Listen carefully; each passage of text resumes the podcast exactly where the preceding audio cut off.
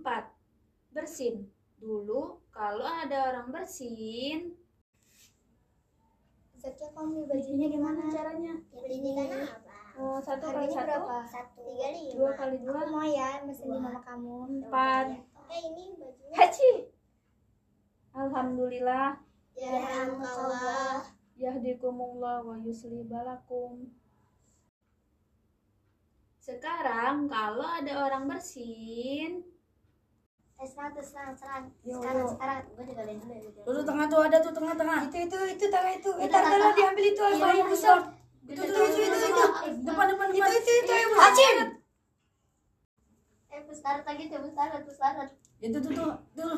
Dikit lagi tuh dikit. Itu, itu, itu, itu. Sekarang, sekarang, sekarang. Sekarang, sekarang. Itu, Lur. Nah, Itu, itu, itu, itu, itu. Tengah tuh. Acim. Rasulullah Shallallahu Alaihi Wasallam bersabda, "Idza atasa ahadukum falyakul Alhamdulillah, walyakul lahu akhuhu aw sahibuhu yarhamukallah. Fa idza qala lahu yarhamukallah, falyakul yahdikumullah wa yuslih balakum." Rawahu Bukhari. Apabila seorang di antara kalian bersin, hendaklah ia mengucapkan Alhamdulillah dan hendaklah saudaranya atau rekannya mengucapkan untuknya Yarhamukallah.